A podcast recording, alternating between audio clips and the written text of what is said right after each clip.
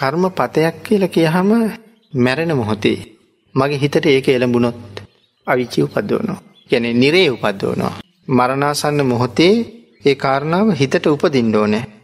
ඒක එතනදී සඳහන් කරනවා මේ කර්මය කියලා කියන්නේ මැරීමට. කර්මය කියලා කියන්නේ මරණව. අවසාන මොහොතේ එළඹෙන හැටි. එතකොට කර්ම නිමිත්ත කියලා කියන්නේ ඒ මැරෙන වෙලාවේ අපි කියමු මම සතෙකුට කෙටුවා. එයාගේ ලේ ගියා.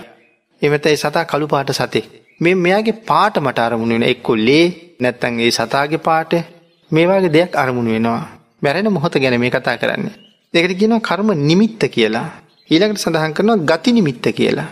ඒ ගති නිමිත්ත කියලා කියන්නේ මම ඊළඟට උපදින තැන. මට අපාය පේන්න පුළුවන්. මට යම පල්ලු පේන්නත් පුළුවන්.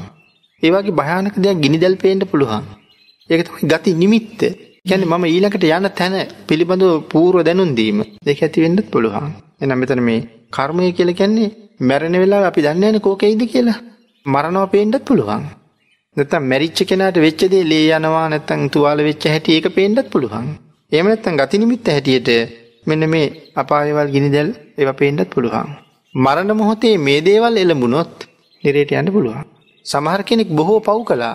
පව් කරන අතර මිනිස්සු පිණුත් කරනවනේ. එතකොට එයාට එහෙම දෙයක් එළඹෙන්නත් පුළුවන්. අපි දන්නේ ඒ වෙලාවට මොකක් වෙයිද කියලා. එහෙම දෙයක් එළඹෙනවා කියලා අපි කියමු අපි මල් පූජාවක් කළා. මල් පූජාව ආරමුණු වුණොත් ඒක කර්මයක්. මගේ මල් පූජාව. ඒක තමයි කර්මයේ ක්‍රියාව වෙන්නේ. කර්මය වෙනවා. එතකොට නිමිත්ත වෙන්නේ සමහර විට මට මලක් පේනවා.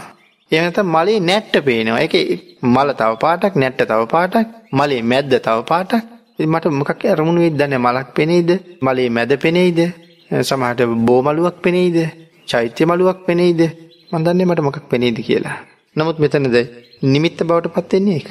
ඊළඟට ගති නිමිත්ත බවට පත් වෙනවා දෙව්ලොවක්, මව් කුසක් මොකක් හරි අරමුණු වෙන්න පුළුවන්. එහෙමනොත් මම එහෙම තැනක පිළිසිඳ ගන්නවා. ඒ කුසලයේ නිසා. නමුත් පව් නැතුව නෙමෙයි. ඒව වෙන භවයක මට අනිවාර්යයෙන්ම අනිවාර්යයෙන්ම උපපජ්ජ වේදනීය වශයෙන් හෝ අපරාපරිය වේදනීය වශයෙන් විපාක හැටියට එනවා.